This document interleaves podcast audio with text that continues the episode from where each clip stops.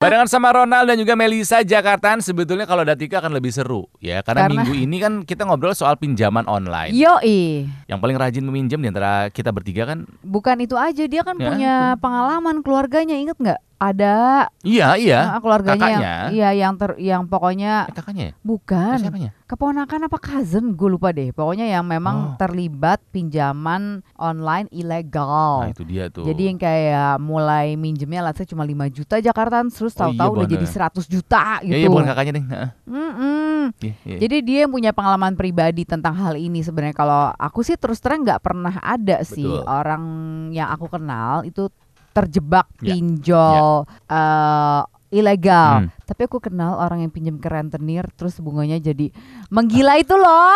Ingat kan yang aku cerita ke Ya kamu? ingat. Itu sama nggak ya? Berarti rentenir sama sama dong. Eh, Ya sebenarnya kan pinjol ilegal itu ya adalah kayak begitu. istilah baru untuk rentenir. Rentenir digital berarti ya. Iya. Ya yang kan? iya. Nah si temanmu itu pinjam Mm-mm. untuk kebutuhan mendesak atau tidak? Enggak sih sebenarnya. Aduh, aduh, gimana dong? Bukan untuk kebutuhan mendesak. Terus berbunganya berkali-kali Ih kali. serem banget. Iyalah. Ya ampun. MM-an gitu loh. MM-an. Iya kan aku cerita. Iya. Iya. Maksudnya MM itu pokoknya atau plus bunganya? Bunganya sendiri tuh kayak mau 800 juta. Gila gak? Pinjamnya berapa sih? Ya pinjemnya emang Oh, MM-an. ya aduh. Serem, serem ya. Ngeri banget. Dan itu bukan untuk kebutuhan mendesak. Ya kemarin sampai presiden pun turun tangan mengenai pinjaman online yang ilegal ini. Bagaimana cara berhutang yang baik dan yang benar ya? Kita akan ngobrol sama founder dan juga director dari Mitra Rencana Edukasi ada Mbak Mike Rini Sutikno. Pagi Mbak Mik. Selamat pagi, Ronald dan Melisa. Selamat pagi Mbak Mika. Mbak Mika nggak gatel-gatel kan kalau kita ngomongin soal utang? Kok gak? Tidak imun. Udah imun katanya. Pertanyaannya soalnya gini sebenarnya yang pop up in my mind gitu ya. Kenapa ya orang tuh kebanyakan suka banget ngutang? Tuh kenapa Mbak Mika? Jadi bisa ada simpelnya mungkin kita bagi dua kategori ya. Yang pertama itu jadi dia tidak punya rencana mitigasi ya. Kalau terjadi Hmm. sesuatu di luar dugaan, kemudian harus mengeluarkan uang dalam jumlah besar, itu dia nggak punya dananya. Nggak punya dana darurat gitu ya? Semacam itu. Yang pertama. Mm-mm. panik kan, namanya orang lagi musibah, panik. Kemudian pengen cepat-cepat dan harus bayar, ya, Mhm. kepepet, dia ngutang. Yang kedua, itu biasanya dia punya defisit arus kas. Ya, defisit arus kas itu berarti Hmm. pengeluarannya itu lebih besar daripada pemasukannya dia. Rutin loh itu terjadi. Artinya tiap bulan dia Hmm. mengalami seperti itu. Jadi bukan kepepet. Kalau kepepet itu kan itu sesuatu yang nggak rutin. Hmm. Berarti manajemen Iya. keuangannya nggak baik dong Mbak? Betul, jadi ada dua ya. Dua-duanya sebenarnya disebabkan manajemen keuangan yang tidak baik. Oke. Keuangan itu yang pertama karena dia nggak punya antisipasi ketika terjadi tak terduga. Yang kedua, dia nggak bisa ngatur yang rutinnya. Ud- Iya. Udah tahu lu butuhnya segitu tiap bulan Kok buat buat usaha lo gitu ya. Tapi kejadian lagi kejadian lagi tiap bulan harus utang gitu ya Mbak Mika ya. Iya kayak vicious circle lah gitu, lingkaran setan. Ya maksudnya itu jadi semacam sesuatu yang jadi bagian dari hidupnya dia lah. Ngutang kalau jadi bagian dari gaya hidup atau bagian dari hidup lah gitu. Ada teman aku yang berpikir seperti itu loh Mbak Mika. Kalau misalkan nggak punya utang kayak Nggak punya semangat hidup. iya nggak nggak ada yang harus dicicil gitu katanya. Is that normal Mbak Mika? Iya nggak normal lah, karena kan kita jadi kita disiplinnya itu terpaksa gitu, bukan karena kesadaran sendiri gitu.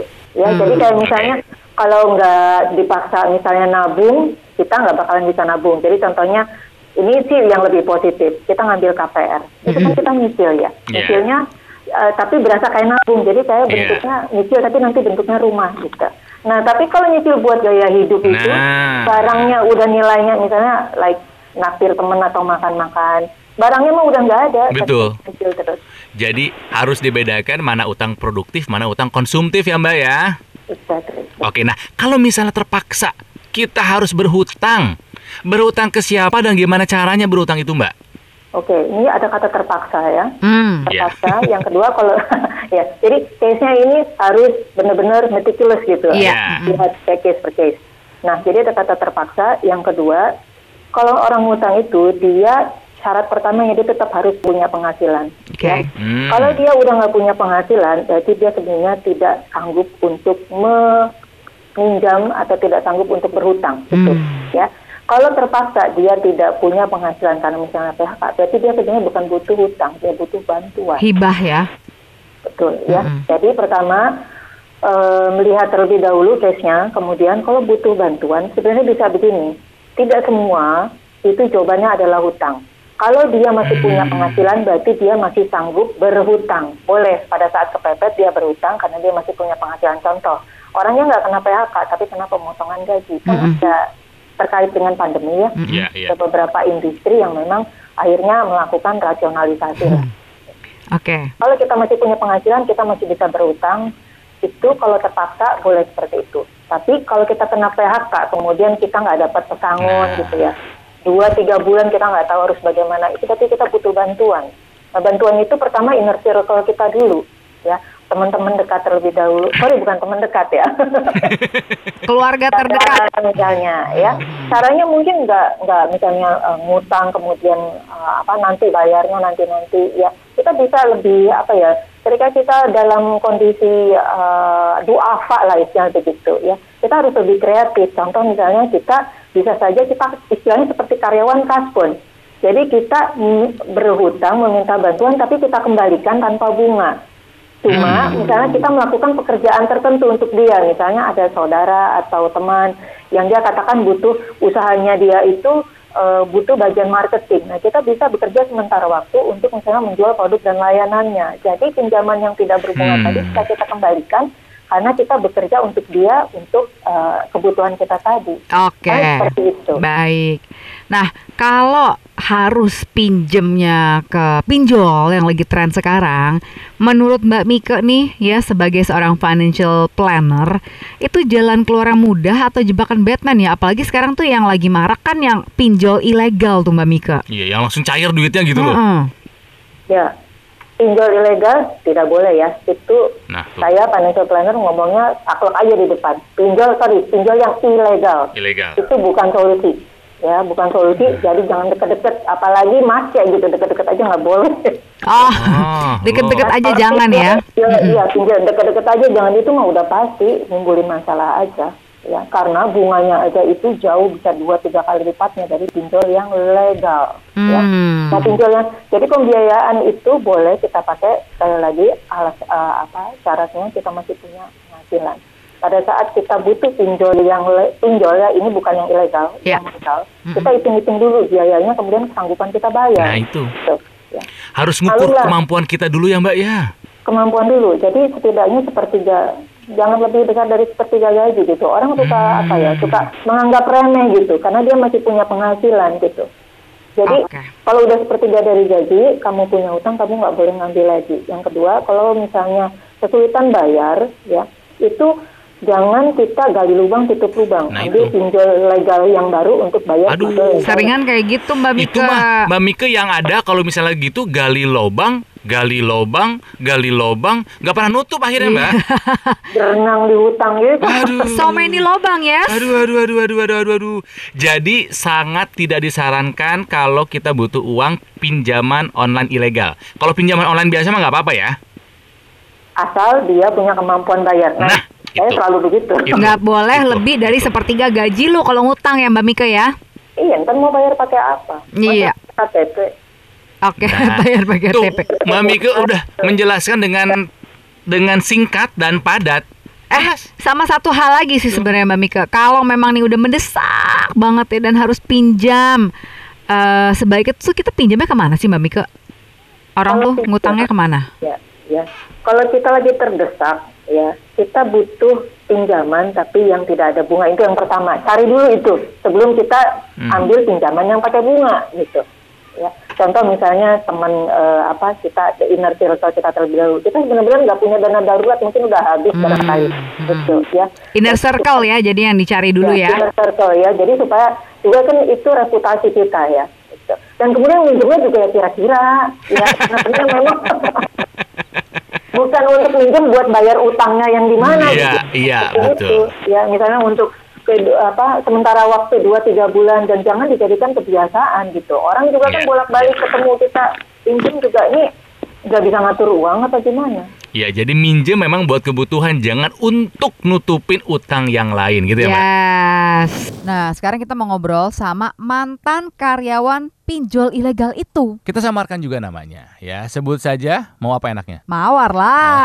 Ah, Sebut saja dia Mawar. Hai Mawar, selamat pagi. Selamat pagi, Cimel. Selamat pagi, Kang Rona. Selamat pagi. Kamu berapa lama kerja di eh, kantor pinjol ilegal itu? Aku nggak nyampe setahun. Aku mutusin buat resign karena ngeri-ngeri sedap dah di sana. Ngeri-ngeri sedap. Tapi tahu kantor tempat kamu kerja itu ilegal. Ah, tahu, tapi waktu itu dikasih tahunya ah, mereka tuh dalam proses pembuatan perusahaan, Oh. legal dokumennya katanya gitu. Tapi sampai dengan aku memutuskan untuk resign itu masih belum jadi. Kamu sebagai apa di sana sayang? Aku sebagai HR. Waduh, Waduh. kamu ah, pinjol ilegal tuh ada HR departmentnya.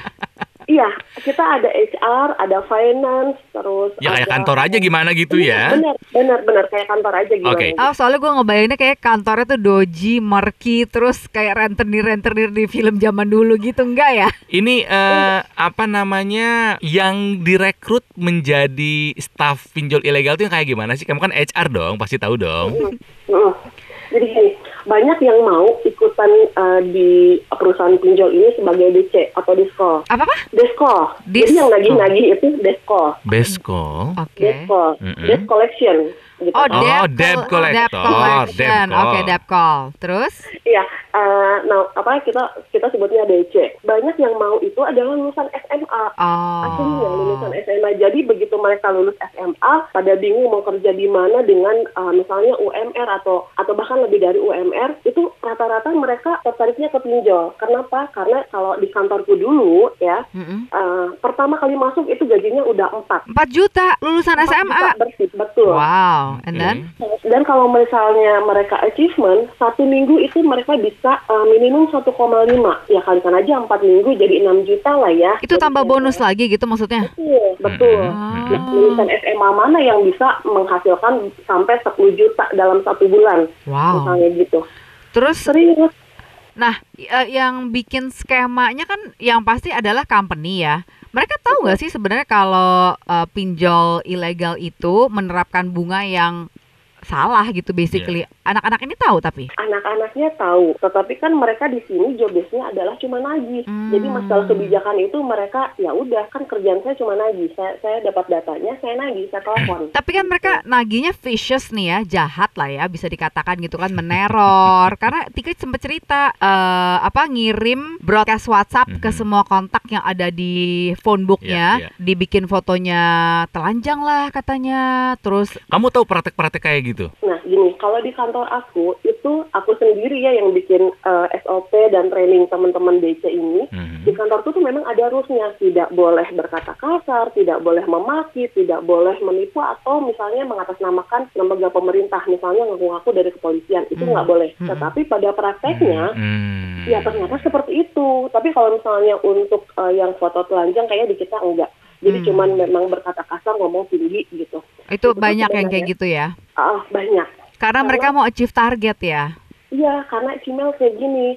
eh, serunya adalah tiap hari di kantor kita itu adalah berisik aja. Jadi kalau misalnya di iya, iya, iya, jadi gini, kalau misalnya di kantor biasa itu paling cuma ketak-ketik cuma suara telepon atau orang meeting. Heeh. Tapi kalau hening, ah, kalau misalnya cuma suara kayak gitu, investor kita yang memang eh, datang langsung dari Taiwan dan project manajernya juga eh, dari Taiwan itu stay di kantor kita. Mhm. Jadi kalau misalnya kantornya sepi, dianggap desko itu pada nggak kerja. Hmm. Jadi harus rame. Harus rame terus. Harus rame. Ngomongnya keras-keras gitu. Betul. Dan itu pun sebenarnya gini, kalau misalnya ada yang bilang, oh saya di broadcast, semua kontak saya tuh di broadcast ngasih tahu kalau uh, saya punya pinjaman atau seperti itu. Itu biasanya yang sudah lewat dari jatuh tempo. Hmm, Ah.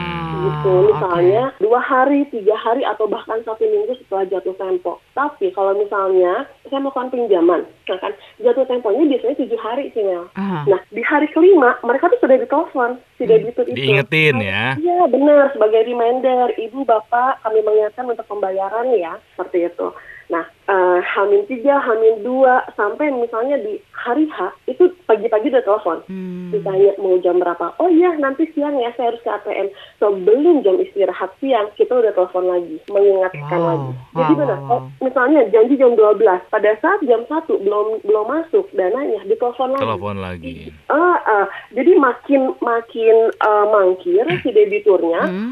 mulai makin kenceng suara diskon. Iya, iya, iya. Dan Oke. memang itu ya bunganya itu satu minggu sampai 50% mawar. Betul. Wow. Ih, bener ya itu ya. Ini apa? eh, Gila. apakah ini salah satu yang kamu bilang kerja di pinjol ilegal ngeri-ngeri sedap tuh kayak gini? Iya, ngerinya seperti ini. Karena kalau misalnya, uh, jadi waktu itu sempat ada kejadian yang bikin aku resign. Kenapa? Mhm. Karena kantorku sempat didatengin sama polisi. Oh, aku kamu yang digerebek waktu itu.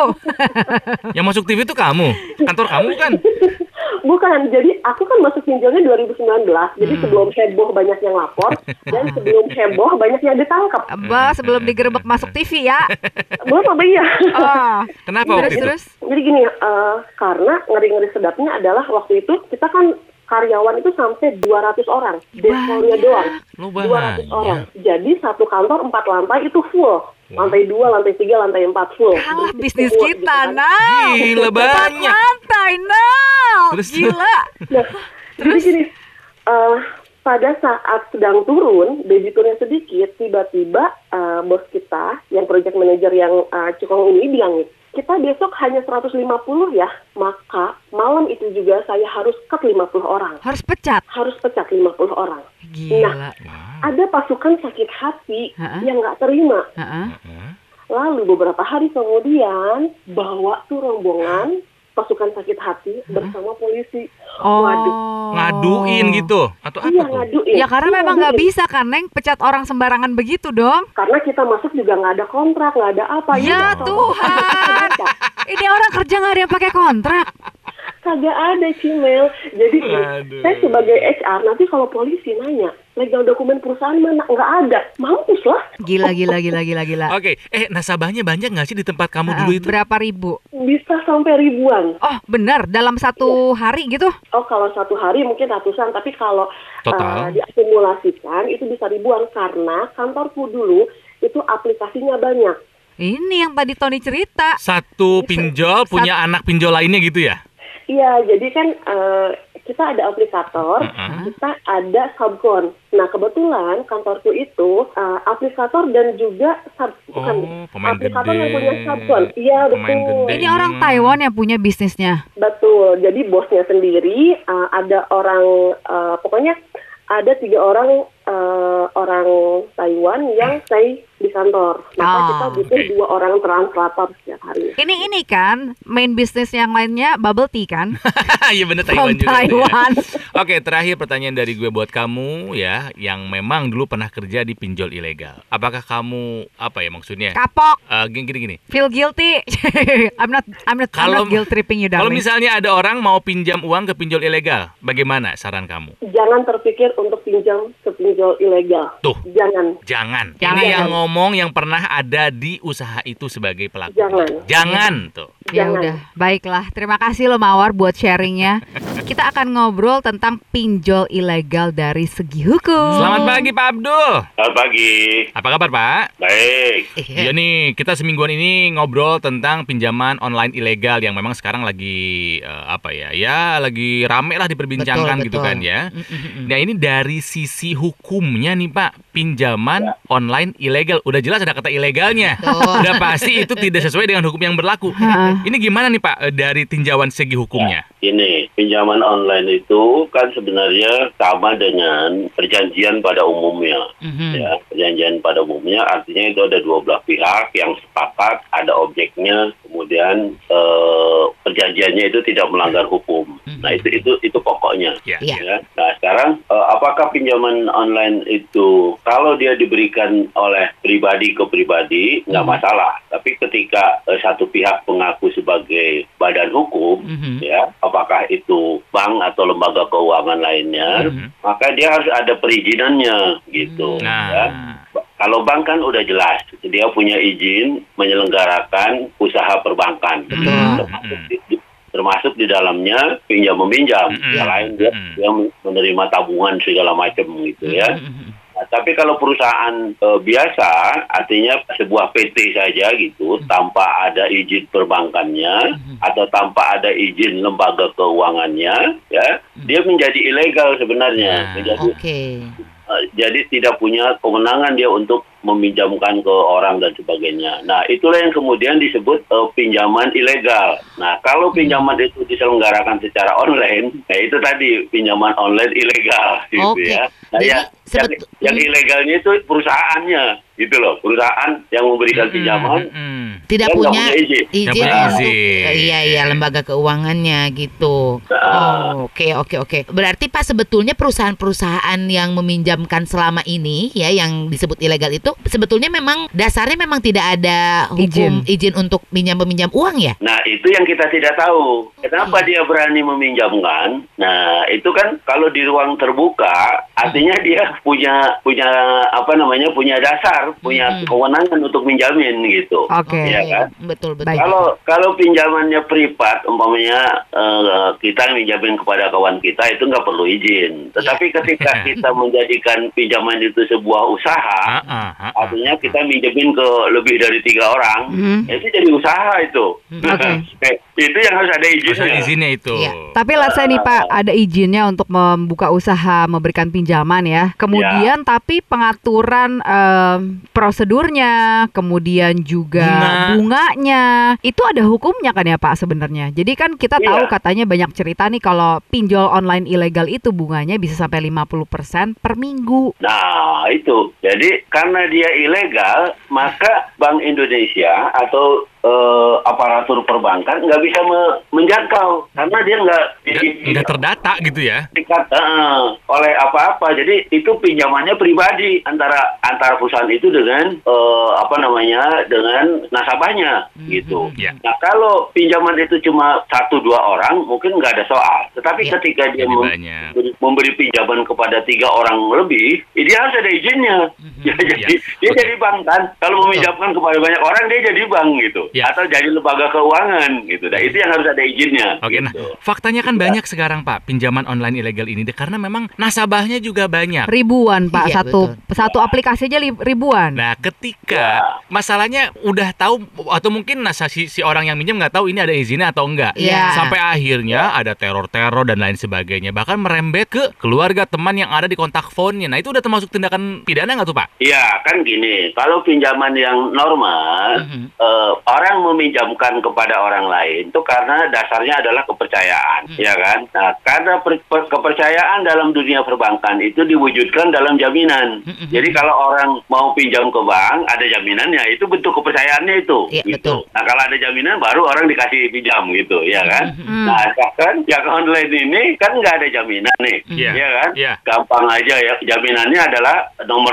teleponnya atau apa kan karena online kan Hmm. ya nah ketika terjadi prestasi atau orang yang nggak bayar nah ini yang bagaimana cara menagihnya kalau ada jaminannya jaminannya dijual iya kan Iya, dijual betul. untuk bayar pinjamannya Hmm, tapi iya. kalau tidak ada jaminannya ada jaminannya. nah satu-satunya cara yang online ini ya mem- mempermalukan orang itu ke mana-mana Betul. Gitu. Memang udah salah sejak awal ini tuh.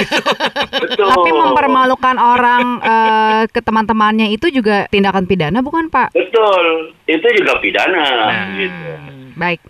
Nah, pertanyaan dari Tika tadi Pak di awal eh, kalau memang ada orang yang terlilit eh, hutang di pinjol ilegal ini, Mhm. boleh nggak kalau kita cuma bayar pokok hutangnya aja tanpa memperdulikan bunganya, yang Bunganya. nggak masuk akal itu? Ya, boleh. Ya, boleh dalam pengertian begini. Pe- Utang pokoknya, lihat dulu perjanjiannya, Mhm. gitu ya. Kalau perjanjiannya itu eh, melebihi bunga yang diperbolehkan oleh perbankan, Mhm. gitu ya, maka itu ya bayar aja sesuai dengan aturan gitu loh. Kalau Aturan- yang melebihi Aturan perbankan Ya, yang berlaku ya? Iya. Iya, iya, iya. bu- bunga pasaran berapa umpamanya Hmm. ya itu sebatas itu ya selain selain pokoknya ya udah karena kita udah pakai satu bulan umpamanya Ya. ada Hmm. Aturan berapa persen bunganya ya dibayar itu aja gitu Hmm. Oh. Wah, ini ilmu yang mencerahkan buat mungkin ada Jakarta yang masih terlilit hutang Betul. di pinjol Nah, iya, Pak. ilegal ya. Kalau ada yang lagi terlilit, sekarang apa yang harus dilakukan? Ya, Pak? lapor ke mana? Iya. Atau Ya. cari eh, hutang lagi di mana? Ya, tahu. kan menyelesaikan. Gimana tuh, Pak? ya kan gini, pinjaman itu itu kan bersifat keperdataan, Iya. perjanjian, Iya. ya. Jadi kalaupun umpamanya ditanya bagaimana hukumnya kalau salah satu salah satunya melanggar, itu yang disebut dengan wan prestasi, Iya. ingkar janji. Betul. Nah, kalau dalam pinjaman normal yang dilakukan adalah menjual jaminannya. Iya betul. gitu karena ada jaminan kan dijual jaminannya untuk membayar hutang pokoknya gitu nah tapi kalau tidak ada jaminan nah itulah kemudian yang terjadi adalah eh, apa namanya eh, menagih secara mempermalukan itu Iya, gitu iya. nah kalau udah menagih secara mempermalukan itu kan udah masuk ke ranah yang lain Betul. mempermalukan orang lain itu pidana, Pidana. gitu Heeh, mencemarkan nama baik orang Iya. gitu padahal perdata itu bolehnya nagih utang itu bolehnya ya menjual jaminannya Iya. atau menyita barang orang itu Iya, iya. gitu. Betul. Oke, jadi memang intinya mah pinjaman online ilegal udah salah sejak awal. Hindari kalau bisa karena ke sananya Betul. pasti ribet. Iya, gitu karena pinjaman Ya. online itu kan jaminannya KTP. Masa kita jual KTP kan ya?